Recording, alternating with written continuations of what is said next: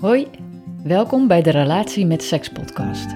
Ik ben Renske en in deze podcast ontrafelen we samen het mysterie van seks in relaties. Want god, wat is dat soms ingewikkeld. Ik neem je mee in mijn persoonlijke highs en lows, deel mijn kennis en ervaringen als seks- en relatiecoach en praat met andere professionals en ervaringsdeskundigen. Bereid je voor op een intieme reis waarvan je vol inspiratie weer thuis zult komen. Met een koffer vol herkenning, praktische kennis en tips. Op naar schaamteloos genieten van onze hele seksualiteit. Heel veel luistergenot. Welkom Welrike. Dankjewel. Ja, super fijn dat we hier, uh, in, dat we hier in jouw huisje mogen zijn. Mhm.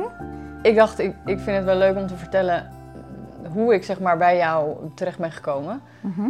Omdat ik uh, eigenlijk na de laatste keer jouw workshop ook heb gevolgd, uh, Energy Sex. Ja. En ik had daarvoor al uh, video's van jou gezien. En toen dacht ik ook, het is vooral hetgene wat mij zo aanspreekt, is de combinatie tussen wat je ook op je workshop zei, tussen uh, woewoe en, uh, en wetenschappelijk of zo. Pragmatisme. Ja, ja en dat is ook echt wel waar ik op aanga. Dus ik vind het heel mm -hmm. mooi om jouw nuchterheid en tegelijkertijd spiritualiteit te zien. En, en een beetje die flirt met gewoon kink en BDSM en tegelijkertijd de heiligheid. Dus uh, vind ik super ja. inspirerend of prikkelend. Mm -hmm. En ik ben heel benieuwd nou ja, wat jij kan brengen op het gebied van uh, seksualiteit en relaties. Mm. En uh, vanuit jouw blik. Nou, wil je jezelf nog even voorstellen? Want je doet zoveel dingen dat ik denk, uh, jij mag Tuurlijk. lekker zelf eruit kiezen. Ja, ik doe zoveel dingen dat ik vaak zelf ook moet nadenken als Ja. ik me voorstel van wat, uh, wat ga ik allemaal vertellen deze keer. Ja. Mijn naam is dus Wilrike Sophia. Ik noem mijzelf uh, een intimacy activist. Uh, ik, ik, ik, maak me hard voor, uh, ja, voor intimiteit en het belang daarvan. Ik denk dat dat een behoorlijk ondergewaardeerd onderdeel van het leven is. En, en voor welzijn en geluk en gezondheid ook. Ja, je hebt ook een TEDx. ik heb een TED-talk ja. gedaan. Dat ging inderdaad dat ging over, over consent en over ja en nee zeggen. En je inner guiding system noem ik, noem ik dat. Dus hoe je in je lijf kan voelen wat een ja en een nee is. Uh, wat je wel wil, wat je niet wil. En dan ook het communiceren daarvan. Dus dat is een groot deel van wat ik doe. Hmm. En um, ik, doe, ik doe veel dingen door middel van workshops. Dus ik heb graag groep, groepen mensen voor me. En Ja. dan gaan we eigenlijk... Ik geloof heel erg in somatisch leren. Daarmee bedoel ik leren door ervaringen te hebben. Dus het is eigenlijk een soort van... Zo'n workshop kun je zien als een soort laboratorium... waarin je gecontroleerde experimenten doet. Hmm. Dus Ja. gaat proberen met... Oh ja, als ik dit doe... Eigenlijk voelt het helemaal niet zo fijn. Dus dit wil ik niet. Dus dit ga ik dan zeggen aan iemand. Ja. Dus daar gaat het over. En dat zijn soms uh, knuffelworkshops. Knuffelworkshops is een concept dat ik inmiddels denk een jaar of twaalf geleden heb bedacht en uh, uitgewerkt. Het is nu uh, internationaal. Wauw. En uh, ik, inderdaad, wat jij zegt, ik geef workshops die uh, flirt zijn met kink en BDSM. Ja. Maar ook wat ik eclectische neo-tantra noem. Nou, dat is een heel, hele mond vol. Want het betekent in feite dat het op, op wat ooit tantra was gebaseerde een nieuwe versie is die uit allerlei windrichtingen komt en Ja. waar ik een geheel van heb gemaakt. Uh, nou ja, veel met uh, allerlei vormen van consent. Uh, ik geef uh, playparties, noem ik dat, als plek waar mensen kunnen oefenen. Dus dan heb je een deel gestructureerde workshop en een deel kun je uh, onder begeleiding van mij en mijn team zelfervaringen gaan hebben. Ja. Massage, aanraking, sensueler, seksueler als je wil. Om ook echt gewoon dingen te ervaren en te Ja. voelen. Alles zonder enige druk overigens. Ik ben heel erg voor low pressure. en daarnaast uh, heb ik mijn eerste boekcontract. Ben ik een boek aan het schrijven momenteel. Um, doe ik veel online activistisch werk voor de veiligheid in uh, de hele wereld van sekspositiviteit en tantra en kink. Want er gaat natuurlijk ook het een en ander mis, uh, Ja. me too. Net als in heel veel Mhm. andere, nou ja, wat steeds meer omhoog komt, wat op veel plekken gebeurt.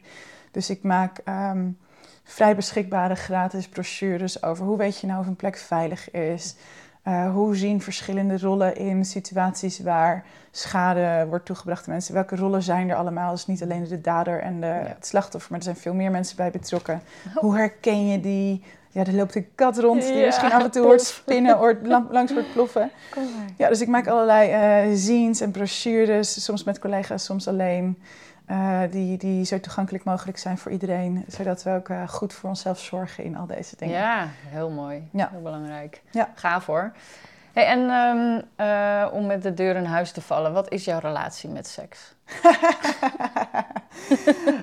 dat is een van de grootste fascinaties in mijn leven. Dat okay. durf ik wel te zeggen. Seks is wel een muze in die zin. Ja? ja, ik denk dat... Ik kijk graag naar seks als een heel brede term. Dus dat gaat niet alleen over penis in vagina, mm frictie, heen en weer, op en neer. Uh, dat, dat geeft voor mij niks te maken met... Het kan tussen allerlei genders zijn. Het kan tussen... Uh, seks hoeft niet naakt te zijn. Seks, wat, wat, wat, de definitie van seks is voor mij heel breed. Ja. Um, maar die fascineert mij mateloos. Seks en, en relateren, waarbij ook relateren voor mij een heel breed begrip is. Dus niet alleen maar de romantische relatie met één persoon, maar relateren kan ook veel breder. Relateren en seks zijn voor mij heel erg met elkaar verbonden. Uh, waarbij seksualiteit een van de uitingsvormen binnen een relatie is. Naast praten, knuffelen, samen wandelen, wat dan ook. Mhm. Ja, en dat, uh, dat, is, dat is echt wel mijn grote fascinatie in mijn leven. Hoe werkt dat, relateren en seksualiteit? Hoe, hoe gaat dat? Dus ja, als je vraagt wat is mijn relatie met seks... Ja. dan is dat uh, vooral eentje van veel fascinatie en nieuwsgierigheid en onderzoek. Ja. En is dat altijd al zo geweest? Nee. Nee. Nee zeg het zelf wel eens van, ja, ik, ik voelde me uh, eigenlijk op slot. Ja. Herken je dat? Ja, heel erg. Oké. Ja. hoe was dat voor jou? Ik, hoe zag dat eruit? Ja, ik, een beetje context, is dat fijn? Ja, zeker, hè? Ja. ik, ben, ik ben opgegroeid als oudste van twee kinderen in een, in een vrij klein dorpje waar iedereen elkaar kent en waar de kerk nog een rol speelt. Mm. Niet heel zwaar, maar wel aanwezig is op de achtergrond altijd. Dus en heel erg dat Calvinistische van je moet hard werken en niet klagen en over gevoelens praten we het niet. Hmm. Ehm, dat was heel erg mijn achtergrond.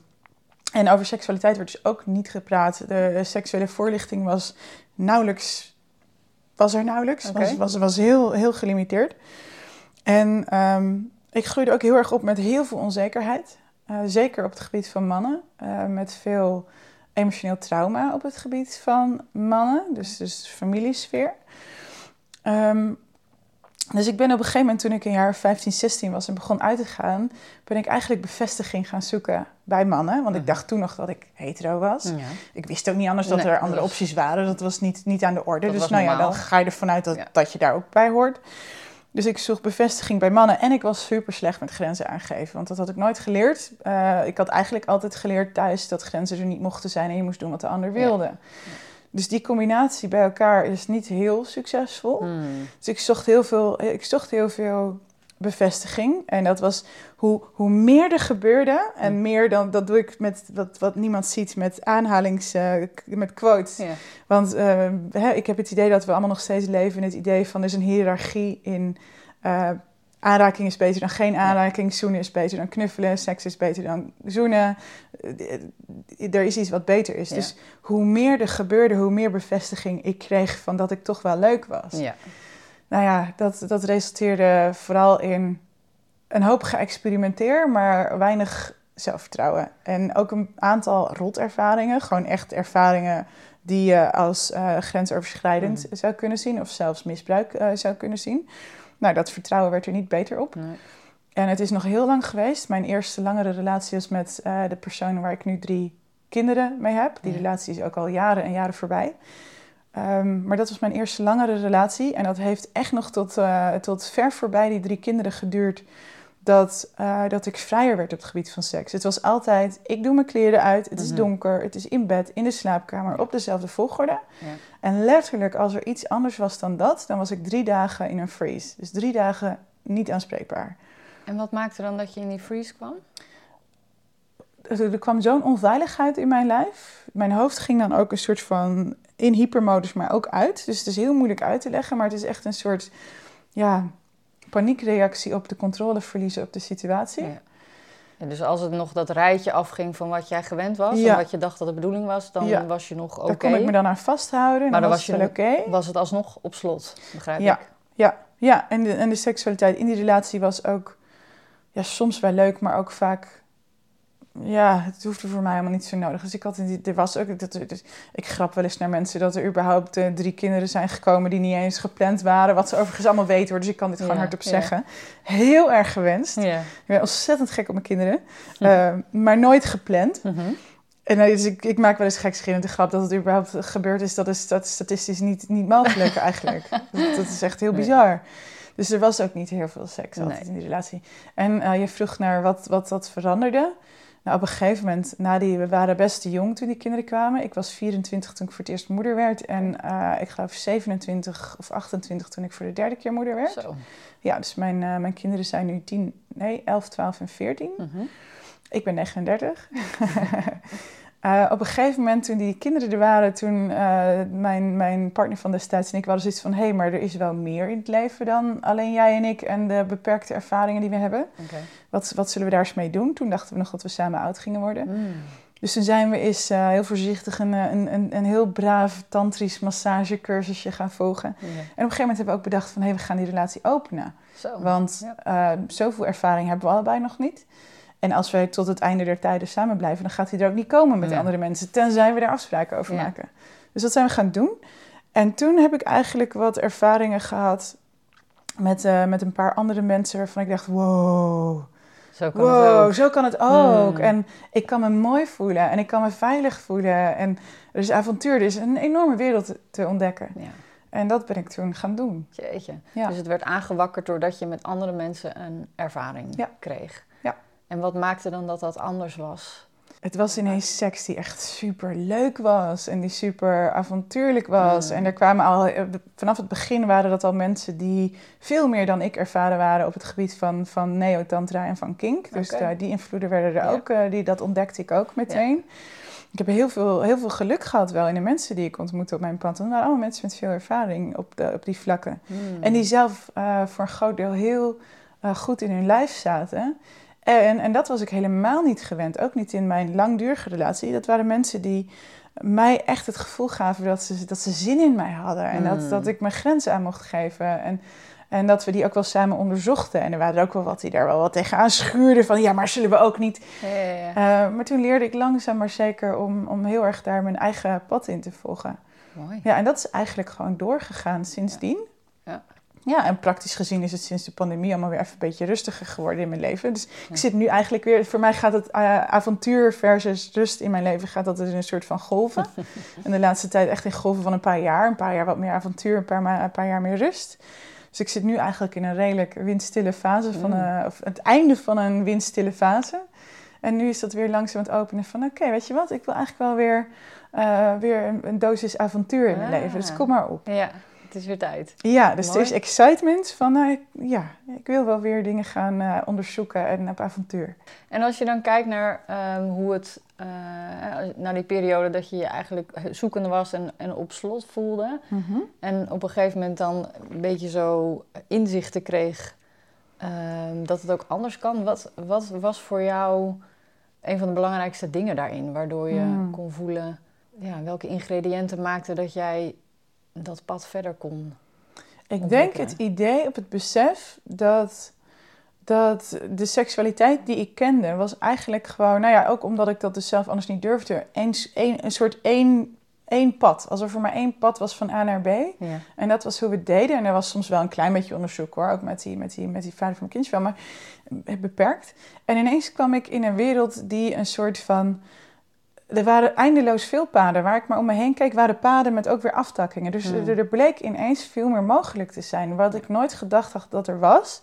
En voor het deel dat ik wel wist dat het er was, had ik nooit gedacht dat dat voor mij zou zijn. Hmm. Dus het was alsof er allerlei deuren in mij open gingen van... wow, dit kan en het is binnen handbereik. Ja.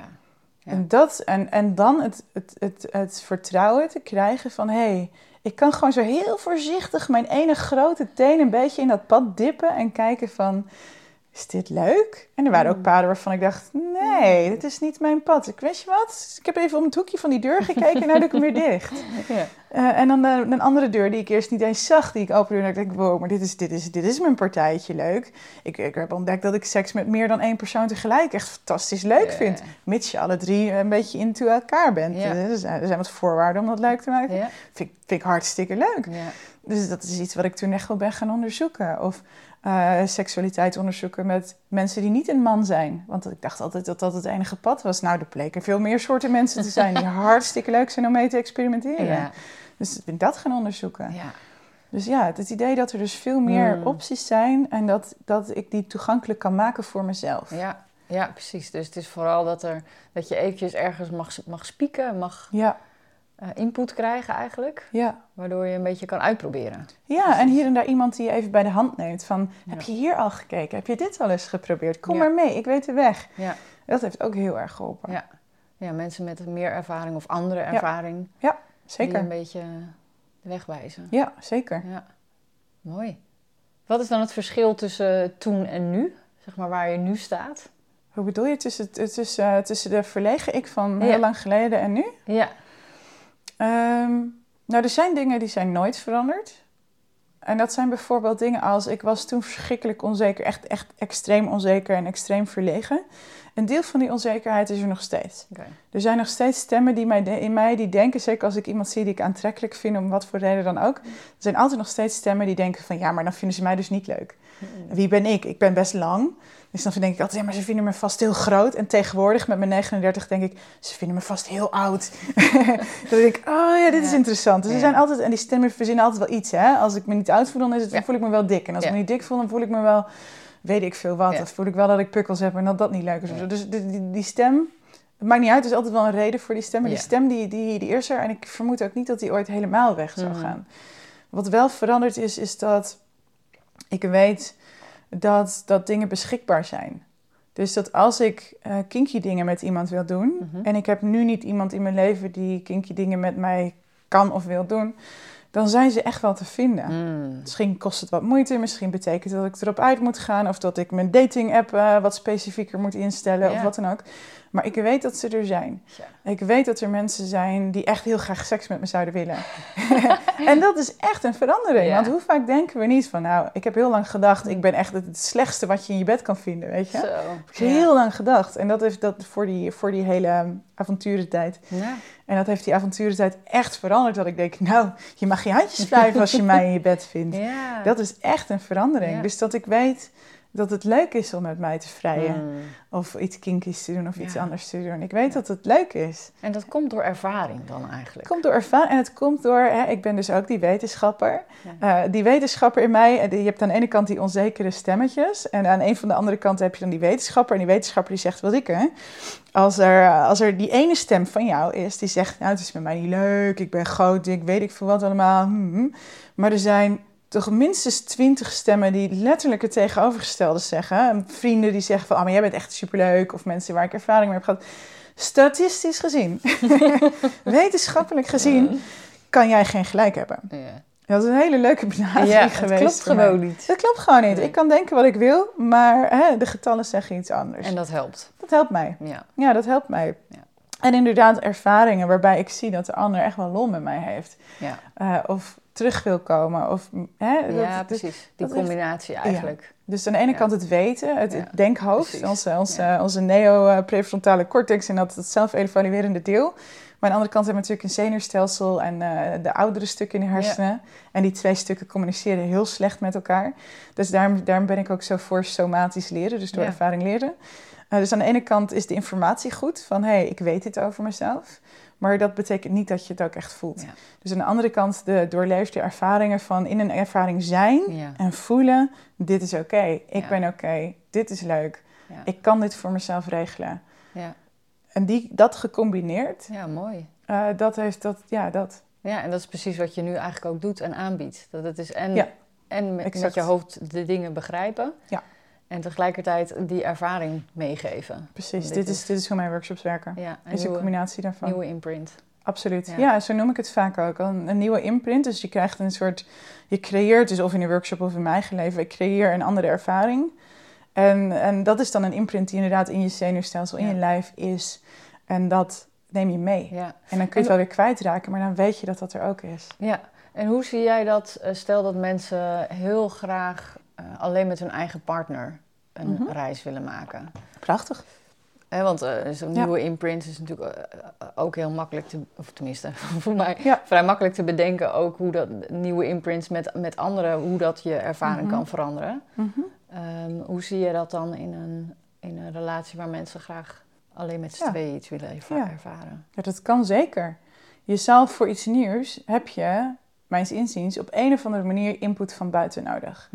En dat kan een boek zijn, eh, wat je leest en waarvan je denkt: hey, dit gaan we eens uitproberen. Het kan een YouTube-clip zijn van een of andere iemand die iets uitlegt wat je eh, gaat proberen. Ik heb bijvoorbeeld wel eens met mensen wilden we uh, bondage oefenen met het touw.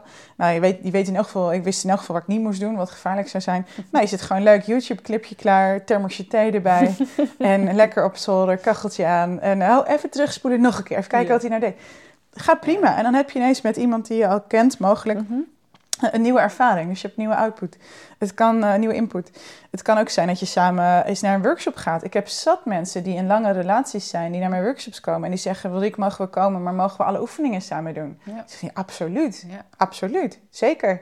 Dus dan ben je in een andere omgeving met iemand die je uh, gecontroleerd in een andere situatie mm. neerzet. Waardoor je andere dingen met elkaar kan ervaren. Ik heb ook mensen, als ik bijvoorbeeld een playparty geef, hè, waar mensen dus uh, vrij zelf mogen onderzoeken. Uh, mensen die al heel lang in een relatie zijn, gewoon met z'n tweeën blijven. Maar omdat ze in een setting zijn waar ook andere mensen zijn die interacties met elkaar hebben, mhm. is het weer een nieuwe ervaring. Nou, ik heb mensen gehad die vinden dat geweldig. Zitten aan niemand anders hoeft ook helemaal niet maar kunnen om zich heen kijken, kunnen een beetje gezien worden. En vinden dat heel fantastisch. Ja. Dus op een of andere manier, als je iets nieuws wil ervaren, dus vind, vind die input ergens. Op een manier die bij jou past. Ja. Dus het is vooral dat je samen nieuwe dingen wil proberen, wat het wat ingrediënt is om te blijven ontwikkelen. En... Ja, want wat ik, wat ik weet, dat er vaak inderdaad in langdurige relaties, Esther Pirel, die schrijft natuurlijk heel erg mooi over. Um, en zij zegt als we ons te veilig bij elkaar gaan voelen, ja, dan kan de spanning een beetje verdwijnen en dan kan de sleur er een beetje in komen. Dus zij zegt, we moeten een bepaalde mate van onveiligheid terugbrengen. Maar onveiligheid is vaak iets wat je, en onveiligheid is niet in het gevaar, in, niet uh, van uh, de, de, de boel kan in de fik vliegen of uh, er kan iets misgaan. Niet die onveiligheid, maar spanning. Gezonde spanning. Die je natuurlijk in het begin heel erg hebt, want je leert elkaar net kennen, het is allemaal nieuw en hormonen en zo. Ehm, dus zij zegt, breng op een of andere manier die, die onveiligheid, die spanning terug. En dat kan inderdaad zijn door nieuwe dingen te doen. Zij, zij is volgens mij heel erg van, ga, niet, ga iets nieuws doen, ga iets anders doen. Of een, een breng een derde in je relatie. Niet per se dat je dan seks moet hebben met een derde, maar wel gewoon nee, dat kan ook dat boek zijn. van dat je mag flirten met iemand anders. Of, Bijvoorbeeld, ja. want het geeft ook weer een bepaalde ja, onveiligheid. Dan hoop ik dat het hele veilige onveiligheid is. Want ik ben een groot voorstander van van veiligheid. Ik mm. vind veiligheid ook iets volstrekt ondergewaardeerd in onze relaties. En vaak ook uh, iets wat uh, geshamed is, het Engelse woord. Wat is het Nederlandse woord ervoor? Uh, Beschaamd. Ja, Iets, iets waar een beetje, een beetje laatdunkend over gedaan mhm. wordt van... Ja, veiligheid, ja, dat, veiligheid is saai of zo. Weet je wel, een beetje, beetje, beetje, beetje zo over wordt gedacht. Nee, veiligheid is voor mij cruciaal in een relatie. Want anders dan staat constant je, je adrenalinesysteem, je fight, flight, freeze, uh, peace uh, respons staat constant aan. Op een gegeven moment krijg je daar een burn-out van of een overspannenheid. Daar wordt niemand beter van. Ehm, dus er moet genoeg veiligheid zijn voor jouw zenuwstelsel om te ontspannen. Ja, om überhaupt te kunnen openen ook. Ja, ja, er moet genoeg veiligheid zijn om een een edge om iets spannends te onderzoeken. Dat, dat, dat, dit, dit is precies wat ik tegen mensen zeg die kink willen ervaren bijvoorbeeld. Of überhaupt ook in een knuffelworkshop of mhm. in uh, neotantra. Van zorg dat er genoeg veiligheid is om te gaan onderzoeken. Want anders ga je in het beste geval iets overleven. Uh, En in het mhm. slechtste geval jezelf traumatiseren of hertraumatiseren. En dat is niet waar we naar op zoek zijn. Ook niet in het spannender maken van een bestaande relatie. Nee. En als je het over uh, kink hebt, ehm, wat kan dat dan brengen? Uh, wat ik zie dat het in een bestaande relatie heb je het nou over. Ehm, het kan het, het, idee brengen van als het voor allebei nieuw is, zo van oeh, we gaan iets spannends nieuws mm, samen onderzoeken. Wat dat. leuk. Zullen we samen een leuke vlogger uitzoeken? Zullen we eerst eens bekijken wat, wat een vlogger nou precies is? En zullen we er dan samen eentje. Dus je gaat samen, je gaat samen iets doen. Net, net als dat je samen op vakantie gaat of samen een, een avontuur. Je gaat samen een avontuur aan. Ja, dus, dus eigenlijk precies datgene waar je het net over had, het nieuwe. Ja, je bent bondgenoten op een nieuw avontuur. Dus het hele onderzoeken, en dan maakt het dus helemaal niet uit of het kink is... of, of dat je ineens zegt van we gaan samen bergbeklimmen... of we gaan samen een hele nieuwe sport doen of zo. We gaan samen de marathon lopen. Überhaupt iets nieuws. Überhaupt iets nieuws. Dus je bent bondgenoten op iets nieuws. En uh, wat er, wat er bij, bij kink heel erg leuk kan zijn, kink is dus niet alleen maar slaan en, en, en kettingen en weet ik wat allemaal. Kink is eigenlijk alles wat niet, niet vanille is. En mm. vanille wordt dan omschreven als wat voor jou wat voor jou doorsnee is. Mhm. Dus kink is eigenlijk is een heel subjectief begrip, is alles wat voor jou niet doorsnee Ja. is. Dus voor sommige mensen is kink eh, seks hebben in de keuken in plaats van in bed. Voor andere mensen is dat seks hebben in een leren pakje in plaats van in lingerie. Hmm. Voor sommige mensen is het seks hebben in lingerie, Mhm. want dat is weer iets nieuws. Dus wat, eh, wat, wat kink is, is eigenlijk buiten dat wat je altijd al doet Ja. gaan. Ja. En dat kan inderdaad die spanning van het moment brengen. En als je denkt van, nou, ik ga wel leuk met die rollendynamiek van, eh, van domineren en eh, submission, submissief zijn, hè, leiden en volgen noem ik dat vaak. Het kan heel erg tof zijn, omdat je heel bewust kiest voor een rol. Dus Mhm. toch altijd wel een dynamiek hè, in relaties, Ja. waarbij de een misschien iets meer het voortouw neemt en de ander iets meer volgt. Ja. Of juist veel te veel gelijk. Veel te veel gelijk kan ook. Dus je gaat heel bewust in een rolpatroon. En je kan dus ook, als er wel een, eh, al een eh, bestaande dynamiek is waar de een wat, wat volgzamer is dan de Mm. ander, kun je hem dus ook heel bewust omdraaien. Ja. Met consent en alles. En ik heb het ik heb ook vaak in kink-workshops gehad, ook waar stellen kwamen die dus bewust beide kanten van die polariteit gingen onderzoeken. Dat dat heel veel bevrijding gaf. Van hé, hey, we gaan ineens een soort rollenspel doen. Waarbij ik mag zeggen wat jij gaat doen. En, en jij, hebt het, jij hebt het codewoord voor als je ermee op wil houden als je Mhm. het niet leuk vindt. En je mag altijd nee zeggen. Maar nou ga ik eens bedenken wat jij gaat doen voor mij. Omdat Mm. ik dat leuk vind. Nou, dan zie, je, zie, zie ik mensen vaak helemaal creatief worden. en Nieuwe dingen bedenken. Buiten het standaardpatroon van hun seksleven. Ineens van, hé, hey, wat zouden we nou nog meer kunnen doen samen? Ja. Wat nou als ik jou vertel dat ik wil dat jij mijn voeten masseert op je knieën terwijl ik in een luie stoel zit. Ja. En iets moois aan heb en een zweepje in mijn hand heb. Waar ik niks mee doe, maar ik heb hem wel vast. Ja. Maar dat is super leuk om te zien wat daarin gebeurt. ja, dus die creatie, het wakkert heel erg creativiteit Ontzettend. aan ook. Ja, het wakkert heel erg crea- creativiteit aan. En daarnaast is het nog als je wel met eh, impact play, dus met, eh, met vloggen of, of slaan of zo wil werken. Dat eh, die impact daarvan, dat, eh daar maak je allemaal weer hormonen bij aan. En dat kan ook weer een hele leuke... Ja, dat doet van alles met Mm. je. Je kan er heel erg van in ontspanning gaan. Het kan heel erg leren, zeker de, de controle freaks, Mhm. even die controle helemaal los te laten. Dus dan krijg je zo'n imprint van oké, hoe, hoe veilig ben ik bij jou als ik de controle even Ja. helemaal loslaat? Ja. Dus je kan hele diepe dingen over je relatie en over de patronen in je relatie leren. Ja. ja, die niet alleen gaan over dat moment van Helemaal het niet. zweepje, maar gewoon... Nee, ik zie dat meer, Ja. voor mij is kink ook altijd ehm, een onderdeel van, voor mij gaat alles over zelfonderzoek. Mhm. Dus zelfonderzoek of gezamenlijk zelfonderzoek. Eh, en, en dit is gewoon een tool. Sommige mensen gaan op yoga of op mindfulness. Ja. Vind ik ook heel tof. maar je kan dus ook eh, kink doen of Ja. neotantra doen of zo. En daarin groeien en ontdekken Zeker. wat er allemaal voor overtuigingen zitten. En, Ja. Wat is de grootste overtuiging die jij eh, hebt overwonnen? Ik ben niet leuk. Ik ben niet leuk. Niemand houdt van me. Ik ben niet leuk. Ja. Ik- eh, En, en ik sta mensen in de weg. Dat is de tweede. Oké. Ik ben alleen maar een ballast voor mensen. Dus dat is heel erg bij elkaar. Ja. ja. Niet helemaal weg. Ik denk ook niet dat het ooit gebeurt. Maar wel voor een heel groot deel. En wat gebeurt er nu als je hem, als stel dat hij omhoog komt? Mhm. Wat is dan nu het verschil? Ehm, nou, ten eerste, hij komt lang niet meer zo vaak omhoog. Mm. Eh, en als het wel omhoog komt, dan kan ik het vaak relativeren. En met die stemmetjes. Ja, dan kan ik denken, oh, daar zijn jullie weer. Ach, gossie, daar zijn al die stemmetjes weer. Ja, ik ken jullie heel goed. dan kan ik het relativeren. En op momenten dat het moeilijk is om te relativeren, dan kan ik hulp inschakelen.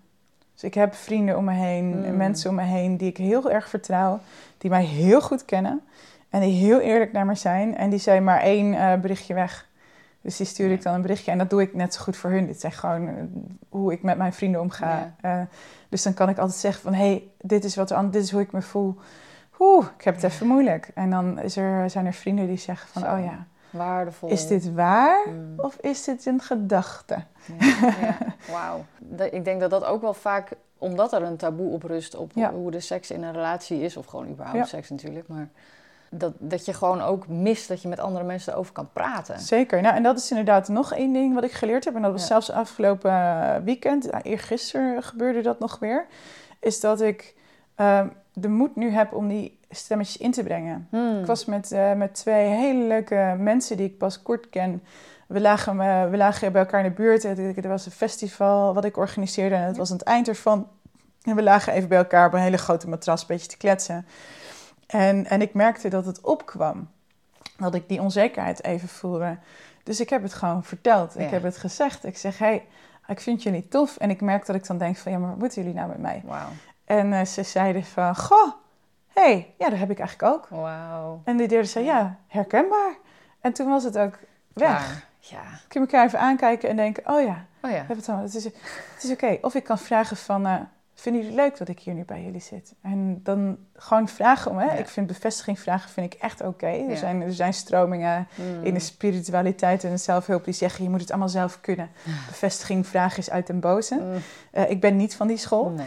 Ik vind, we zijn sociale eh, dieren eigenlijk, die Ja. juist heel erg ook ehm, contact en bevestiging nodig hebben, want dat is hoe we overleven. Dus ik vind, als ik onzeker ben en ik kan het inbrengen, ik Ja. kan gewoon vragen. Ik ga er niet met een verborgen agenda naar vissen, Nee. hè, want ik denk dat is niet een goed idee. Eh, maar ik ga gewoon open kaart spelen en zeggen van, hey, ik vind het even spannend. Zijn, vinden jullie het fijn dat ik hier ben? Of heb je eigenlijk liever dat ik even, even, even naar de bar ga een drankje halen? Ja. Ja. En dat mensen dan zeggen, nee joh, ik vind het helemaal gezellig dat je er Ja. bent. Ja. Vind je het ook leuk dat ik er ben dan? dat komt Ja, eigenlijk... vind ik ook leuk. Ja. En vervolgens is er meer intimiteit en ben je dichter bij elkaar emotioneel dan dat je ervoor was. Ja, dus dat je het durft uit te spreken eigenlijk. Ja, Ja, en je hebt natuurlijk de mensen om je heen, ge- de omgeving gecreëerd waarin Ja. dat...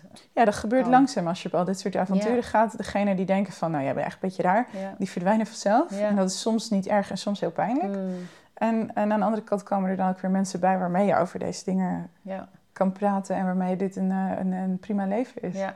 ja, want dat is dan ook het verschil met waar je voorheen stond. Als je alleen maar met z'n tweeën eh, je dingetje doet. Ja, dat is zeker een verschil. Ja, Ja. Dat is een heel ander gevoel. Is een heel ander gevoel. Ja, ik heb nu echt een, een wijd netwerk van mensen die ik als mijn chosen family, Ja. als mijn gekozen familie zie. Ja. die, eh, die er echt zijn en die mij ook, eh, ja, dat is heel wederkerig. Dus dat is beide kanten op dat, eh, dat we dat voor elkaar zijn. ja, mooi. Ja, en dat is magisch. Ja. Dat is echt magisch. Ja, heel waardevol. Ik had eh, van de week een eh, ander gesprek met iemand. Ik moet nu aan denken, omdat jij o- ook over die workshop vertelt en de playparty. En je, en, eh, je kan daar eh, uitproberen. En, het is een, een, zelfonderzoek en Ja. ontwikkeling. En tegelijkertijd is, kan er ook penetratie, seks zijn of andere vormen van seksualiteit soms. Hè. In dat gesprek vorige keer zaten wij ook te zoeken naar van wanneer is iets heilige intimiteit en wanneer is het seksualiteit? En wanneer eh, wordt het een eh parenclub, bijvoorbeeld? Snap je? Mhm. Een beetje die, die, die grens. Ik vroeg me af hoe dat... Want sommigen zeggen juist van... Nou, als ik in workshops wil ik echt niet dat het seksueel wordt. Maar Mhm. er is wel, eh, Mhm. bijvoorbeeld in, in lichte tantra... Aanrakingen met de kleren aan of het voelen van seksuele energie, maar niet de daadwerkelijke daad, omdat ze dan heel erg bang zijn dat daar verweving komt met, ja, we zijn geen parenclub. Oh ja. Dus ik ben wel Ja. heel benieuwd hoe jij dat dan, ja, hoe jij dat ziet. ja. Ja. Ik, ik trek geen enkel onderscheid. Nee. Nee. Voor mij gaat het over ehm, alles is heilig en niks is heilig. Het gaat dus voor mij over eh, zolang iets met consent gebeurt, Mhm. En wederzij, dat is hè, wederzijdse instemming, afspraken met respect. En ja, voor mij zit er altijd hart in. Hart in als in respect, liefde. In een, in, een, in een bepaalde manier zit er altijd liefde in. Mhm. Maar of zo'n contact dan eenmalig is of langdurig is... of iets in een rituele setting is... of gewoon tussen aanhalingstekens platte seks is... ik wil daar geen onderscheid tussen maken. En wat is dan ook platte seks? Precies. Ja. Precies. Wat is er mis met seks in een parenclub? En wie zijn wij om te zeggen van dat wat iemand in een parenclub doet, die zich misschien laat gangbangen door een hele zwik mannen of vrouwen of Ja. weet ik veel wie. Ehm, wie zijn wij om te zeggen dat dat niet heilig is? Ja. Dus ik wil daar niet, eh, voor mij is dat stigmatiserend. Ja. Dus ik doe er niet aan. Ja. Ik doe alleen maar aan tussen eh, ehm, consent en niet-consent. En niet-consent is niet oké. Ja. En consent is prima. En Ja. hoe jij dat dan invult en welke labels jij eraan hangt. Of jij iets heilig noemt, of heilige seksualiteit noemt, of bewuste seksualiteit, conscious sex, of eh, tantrisch of niet-tantrisch, of weet ik veel wat. Eh, la- laat dat je eigen invulling zijn. Ja. Maar laten we dat niet voor een ander invullen. Ja, dus Eigenlijk de, is dat het onderscheid is, is vooral de consent dus. Voor mij is het onderscheid consent. Hè? Doen we iets wat, wat binnen onze grenzen en verlangens is, of eh, maken we misbruik van een ander? Ja. Dat is voor mij wat van belang is. Ja. En de rest maak, geef er je eigen invulling aan. Geef het het label wat jou helpt en wat voor jou werkt. Ja. En ik ben een groot voorstander van om dat inderdaad anderen in hun waarde te laten en uh, de ander een ander label te laten geven. En de ervaringen die een ander. Weet je, ik heb, ik heb lang bijvoorbeeld oordelen gehad op uh, gangbangs. Ik dacht, nou, vrouwen, dit gaat dan even, was dan even echt een specifiek oordeel op vrouwen die zich door een reeks mannen lieten, lieten penetreren. Dat ik dacht van, nou, daar moet er toch daar vond ik wat van. en toen, toen, had ik op een gegeven moment ik, uh, de kans om een gangbang te faciliteren. Om er eentje te begeleiden op een uh, heel groot festival. Oh, ergens, in, ergens in Spanje was dat. Omdat degene die dat zou doen op het laatste moment niet kon. Zo. Dus iedereen stond er al zo ongeveer, zeg maar. Wow. En toen dacht ik, weet je wat? Ik weet dat ik het kan begeleiden. Hmm. Want ik ben, ik ben een hele goede facilitator. Ik ben heel goed in veiligheid creëren. En er was iemand die wilde dit met mij begeleiden. Dus ik dacht, ik ga het eens doen en ik ga eens bekijken. Ja. En het was zo mooi. Het heeft echt mijn beeld veranderd. Dit was een vrouw en haar partner zat erbij. En deze vrouw die was zo genereus. Het was echt een, een daad van generositeit van haar. Mhm. Om anderen te verwelkomen en te zeggen, mm. kom maar bij me. Zo. Kom maar. En het was, het was echt fantastisch. En het, dus, het was niet iemand die vanuit een of andere slachtofferrol mm van alles over zich heen liet komen. En natuurlijk gebeurt dat ook. Maar dan hebben we het over consent en respect. Ja, Maar dit was zo ontzettend mooi. En dat heeft echt mij wel geleerd over... oké, dit is dus mijn oordeel op een ander. En, en het was echt een heilige ruimte die we daar neergezet hadden. Dus het gaat weer echt over de intentie met waarmee het gedaan wordt eigenlijk. Ja, ja. en hoe je, het, hoe je het voor jezelf neerzet... en hoe je, wat je er zelf dus voor label aan wilt hangen. Ja, wat mooi. Wat bijzonder dat dat, al, dat dat dan op je pad komt. Ja, ja. ja was hartstikke leuk. Okay. het was echt hartstikke leuk en hartstikke mooi. Ja. ja. Wauw, mooi. Hoe zou jij ehm, de relatie met seks voor de maatschappij willen hmm. zien? Ja, dat is een mooie vraag anders dan dat hij nu is. Vertel. ja, ik vind dat seksualiteit... Het is, het is zo'n paradox in de maatschappij... dat aan de ene kant alles gaat over seks... en seks wordt overal in verkocht. Ik word helemaal gek van de billboards met lingerie langs snelwegen. Mhm. Dat ik denk, echt, moet dat? Ik wil liever op de weg letten dan op al die, al die posters met uh, BH's en stringetjes. Uh, en, en seks zit overal in, in wat voor commercials dan ook. Uh, dus, dus aan de ene kant is de maatschappij heel erg geseksualiseerd in mijn beleving. En aan de andere kant mag het er niet zijn. En wat een van de dingen waar ik dus op dagelijkse basis tegenaan loop, is dat ik kan, uh, wat ik doe, valt voor mij onder sekseducatie. Dus mensen leren over een gezonde relatie met seks, een gezonde relatie met grenzen en verlangens. Dus in mijn beleving essentiële informatie die zorgt dat misbruik minder wordt, dat, dat, dat de ellende die er rondom seks is uh, minder wordt. Mhm. Maar ik kan dat niet promoten op bijvoorbeeld social media. Ik mag dat werk eigenlijk niet. Uh, of ik, als ik als dingen als uh, betaalservices bijvoorbeeld een verkeerd idee krijgen over wat ik doe, dan kan het zijn dat ik al dat soort services niet meer kan gebruiken. Ik mag niks promoten omdat alles wordt gezien als sekswerk en dat is dan kennelijk ook niet oké. Mhm. Ehm, dus ik moet een soort van undercover uh, op Facebook alles met rare puntjes en komma's en eh, vreemde letters schrijven, zodat de bots van Facebook en zo het woord seks of het woord tantra of het woord kink, want die zijn allemaal de verboden woorden, mm. dat die er niet uitgehaald worden. Dus ze gooien in die zin, hè, dat spreekwoord uh, de baby met het badwater weggooien. Ze, social media en andere bedrijven willen voorkomen dat dingen als sekstrafficking en misbruik plaatsvinden. Ja. Maar daarmee verbieden ze ook elke vorm van sekseducatie, die dus dit probleem moet verminderen. Ja. Nou, en dat, uh, daar kan ik me echt heel erg kwaad over maken. Dat, dat, dat mijn. Uh, ja, ik heb wel eens een, uh, een, een, op, een, op een conferentie een, gesproken over het zijn van een intimacy activist. Mhm. En wat ik daar zei tegen het publiek is: mijn werk is pas klaar als ik op het schoolplein echt kan vertellen wat ik doe voor mijn geld. Mhm.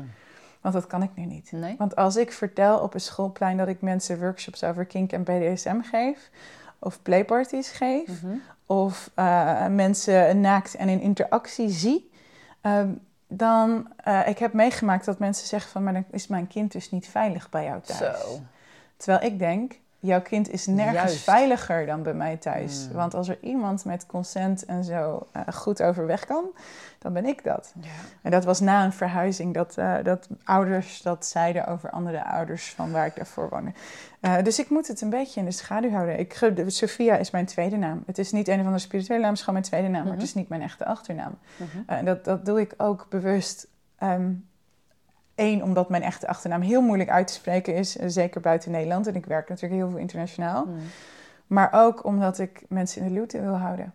Mijn kinderen, mijn ouders, eh, mijn familie. Eh, omdat die, er, die, die kiezen er natuurlijk niet voor dat ik dit werk doe. Hè, dat is niet hun keuze van Wilrike, ga dit maar doen. Ze zijn overigens allemaal heel eh, supportive en eh, ehm, zijn er inmiddels vertrouwd mee dat dit is wie ik ben en wat ik doe. Ja. Maar ik kan, ja, ik, op, op schoolplein, dan, eh, als mensen vragen wat doe je voor je werk, nou, dan, dan, dan geef ik een eerlijk antwoord, Mhm. maar niet een volledig antwoord. Ja. Dus dan, eh, dan geef ik vaak een antwoord over als in eh, ik leer mensen over hun grenzen en over verlangens en dat te communiceren. En Een dan soort relatietherapie, ja, een soort hele- Je relatietherapie. haalt de hele seksualiteit eruit. Ja, daar vertel ik niet over. Ja. Pas als ik weet dat het veilig is. Want ik wil niet dat mijn kinderen er last van hebben. Mm. Ik wil niet dat ik er te veel last van heb. Ik kies ervoor in welke omgevingen Mhm. ik hier last van wil hebben. En dat zijn er even meer dan genoeg. ja, Ja. komen de vogels die langs vliegen. Buren? Oh. Nee, nee, oh nee, de buren. Maak me geen zorgen over. Nee. Nee, maar ja. Ja, dus het is toch... Kijk, en ik doe natuurlijk ook dit soort interviews. En ik, mijn voornaam is ook niet heel veel voorkomend. Dus iedereen die zijn best doet, die, weet, die Ja. kan heel makkelijk uitvinden wat ik doe. Ja. Maar ik maak er gewoon één laagje tussen, dat het niet te makkelijk te Mhm. vinden is voor anderen. En ik, wou- ik wou dat het niet hoefde. Nee, precies. En ik lieg niet, want ik zal niet zeggen dat ik ergens een administratief baantje heb of zo. Je, ik Nee. ben wel eerlijk. Maar het is een beetje selectief, Ja. selectief informatie delen. Nou, en dat is voor mijn gevoel wel een heel, echt wel een teken aan de wand van... oké, hoe, hoe zijn we gesteld met deze maatschappij? Dat iemand die mensen dus leert om voor hun grenzen op te komen en te Mm. communiceren... zodat ze veiliger zijn in seksualiteit, relaties, intimiteit en al dat soort dingen. Uh, dat dat dus niet openlijk kan of gestimuleerd wordt door uh, serviceverlenende bedrijven of, of social media en zo. Dat zelfs al weet jij dat je veilig werk doet en dat het echt oké is om te doen, Ja, dat je nog voorzichtig moet zijn, omdat anderen vinden van niet. Ja, ik, ik ging kijken op een gegeven moment bij de advertentiedingen voor Facebook. En toen bleek dus dat er echt letterlijk in staat dat je niet mag hebben over het vergroten van genot. Ja klopt. Gewoon het woord genieten, zeg Ja. maar. Tegenwoordig staat het woord tantra daar ook in, in dat stukje community guidelines. Tantra mag je ook niet meer over hebben. Nee, dus Klopt. we mogen het wel hebben over allerlei ziektes Ja. eh, op het gebied van... eh, Ja, je mag gynaecologisch onderzoek doen, je Ja. mag dat soort dingen, je mag eh, niet je promoten. Je mag niet je genot vergroten. Nee. Nee, stel je voor. Nee. Ja. Nee.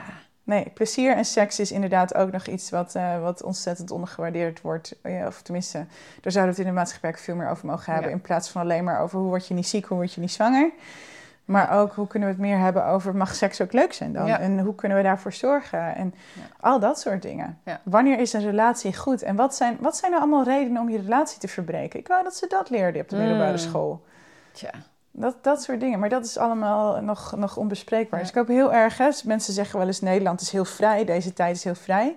Ik vind dat we in een hele preutse tijd leven. Ja. Er zijn tijden geweest dat we veel vrijer waren. En ik hoop van harte dat die ook weer gaan komen. Ja. ja. Ik zeg ook wel vaak van hè, seks eh, kan je leren en eigenlijk moeten we dat ook leren. Mhm. Wat, eh, jij zit heel hard te knikken, dus je bent het ermee eens. Ja, zeker. Stap 1. ja, dat, die fietsen moet je ook leren. Ja. Het is niet zo dat iemand jouw fiets voor je neus zet en dat je punt 1 weet wat het is. Dat heeft iemand je ook verteld ooit met een plaatje met het woord fiets erbij. Ja, ja, ja. En je ziet mensen fietsen. De, de- dus je weet hoe je zo'n ding moet gebruiken en hoe het werkt. En, en vervolgens weet je ook wat je moet doen als je eraf valt. Want iemand heeft je ook iets geleerd over pleisters en Ja. betadinezalf. Ja, ja, ja. Hè? En eventueel ziekenhuis en hechtingen. Eh, maar al dat soort dingen. Het ziekenhuis en hechtingen leren we rondom seks wel. Als je SOA hebt, moet je naar de dokter. En als je zwanger bent, nou, dan zijn er twee opties. Ja.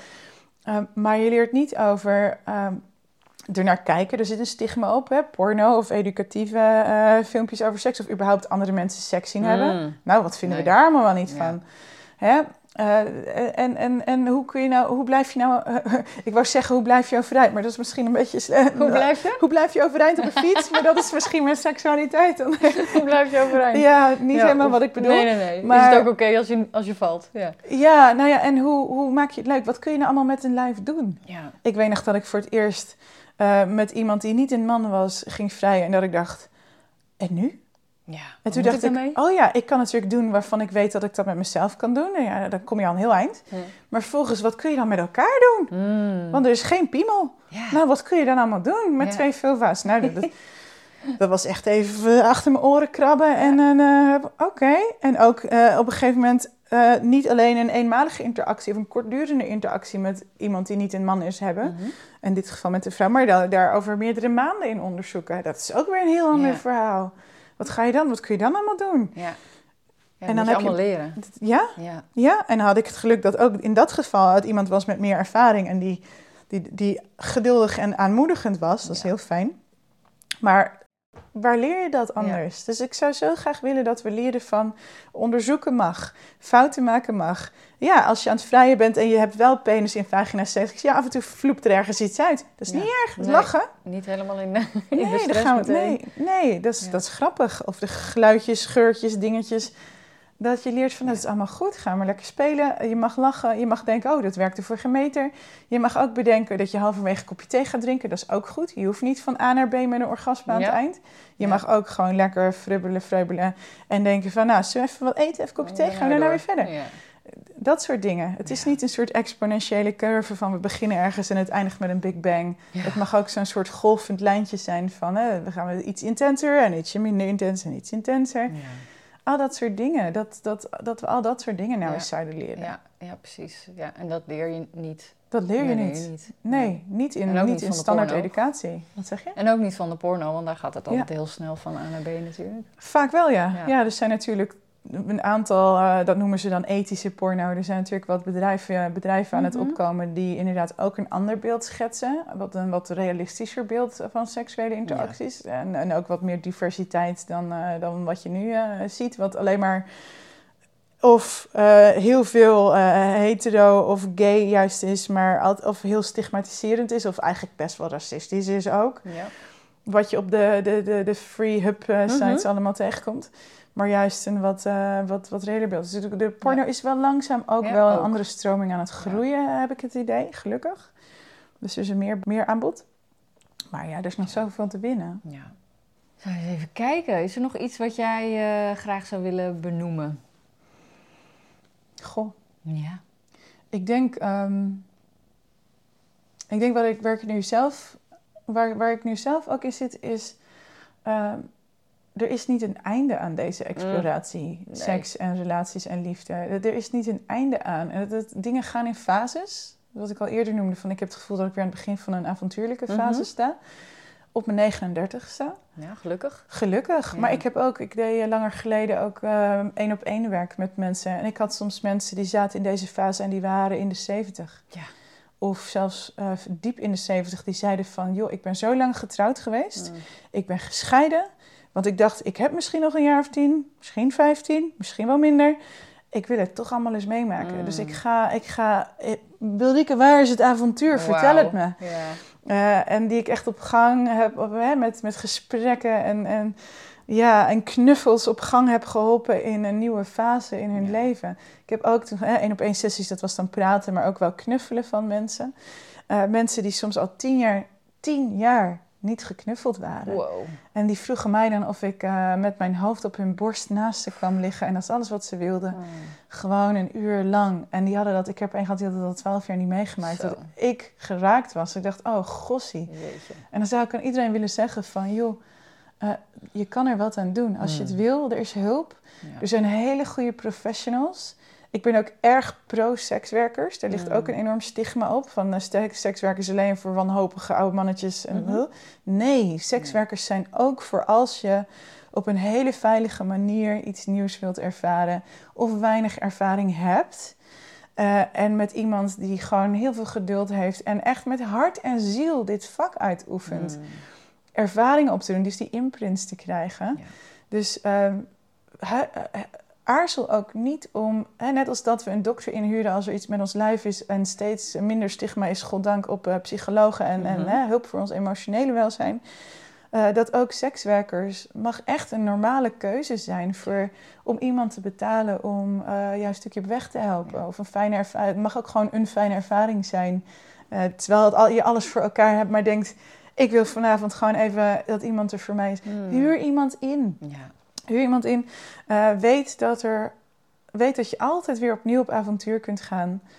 Uh, met, met de partner die je hebt, of met iemand anders, of met een hele zwik anderen voor mijn part. Is ook oké.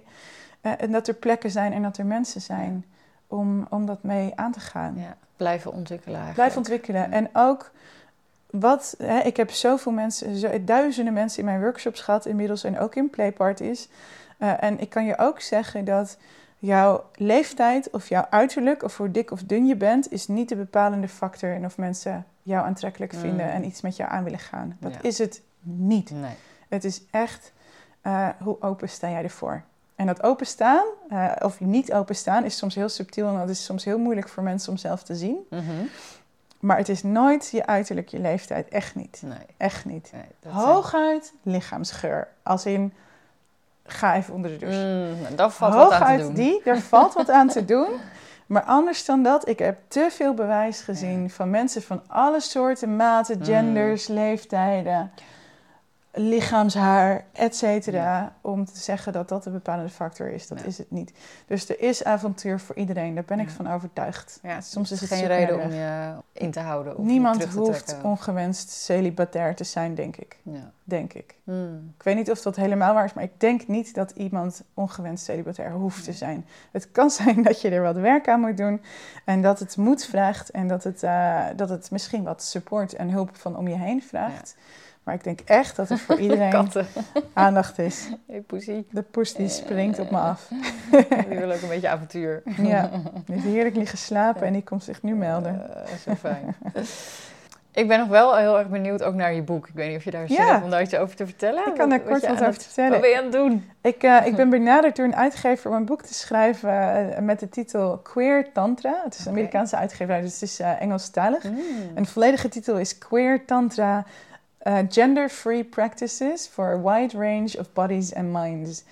En dat gaat erover dat de wereld van tantra, zoals die nu in het Westen is, die is heel erg binair. Dus dat gaat heel erg mhm. over, je hebt een man en je hebt een vrouw.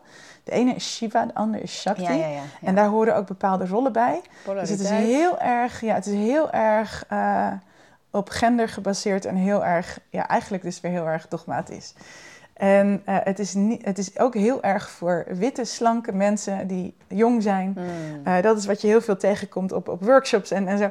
En in boeken, ook in boeken van de bekendere schrijvers. Um, en ik ben daar, uh, en met mij heel veel mensen helemaal klaar mee.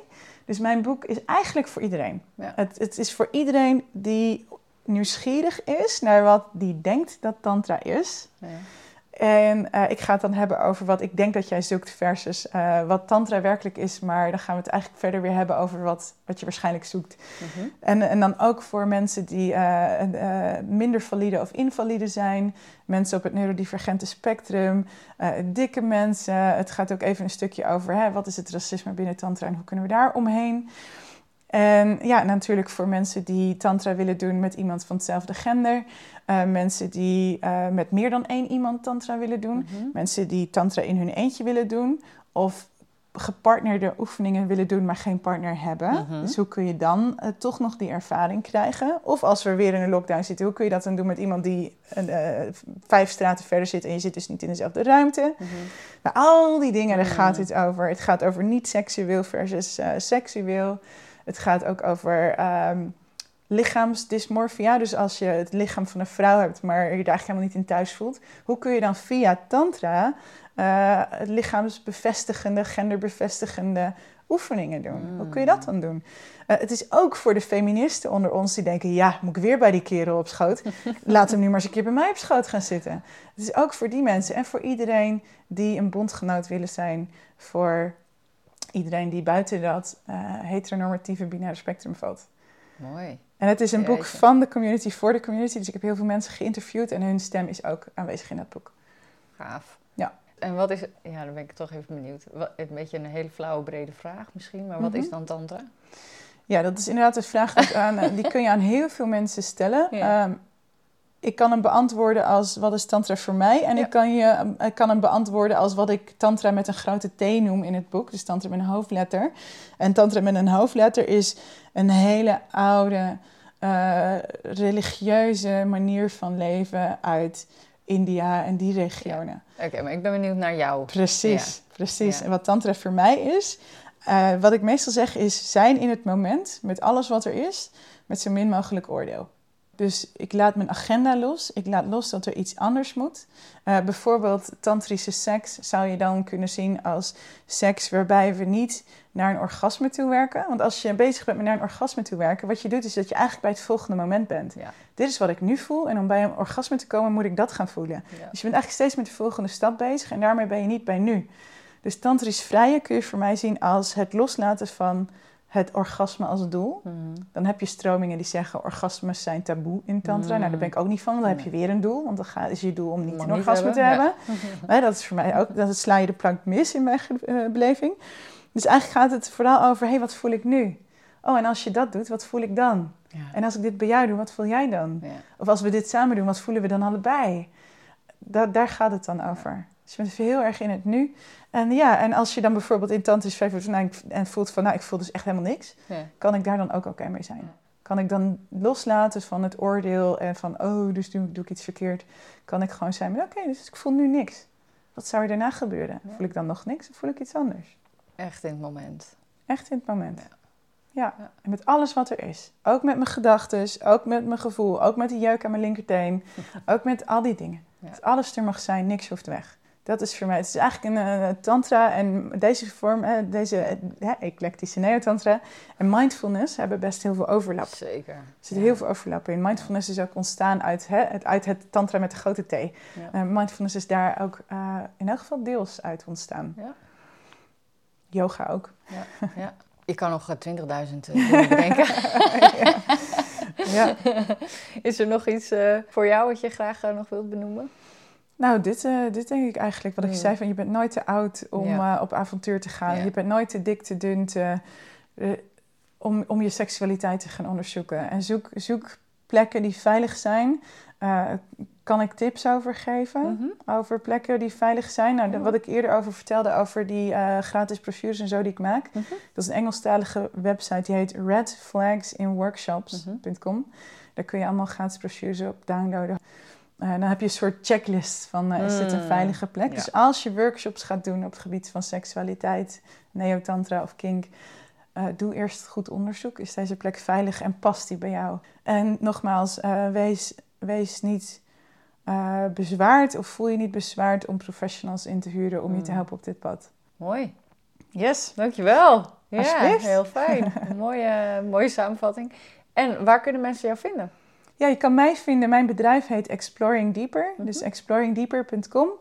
En uh, op alle socials, of voornamelijk Facebook en Instagram, als Wilrike Sophia.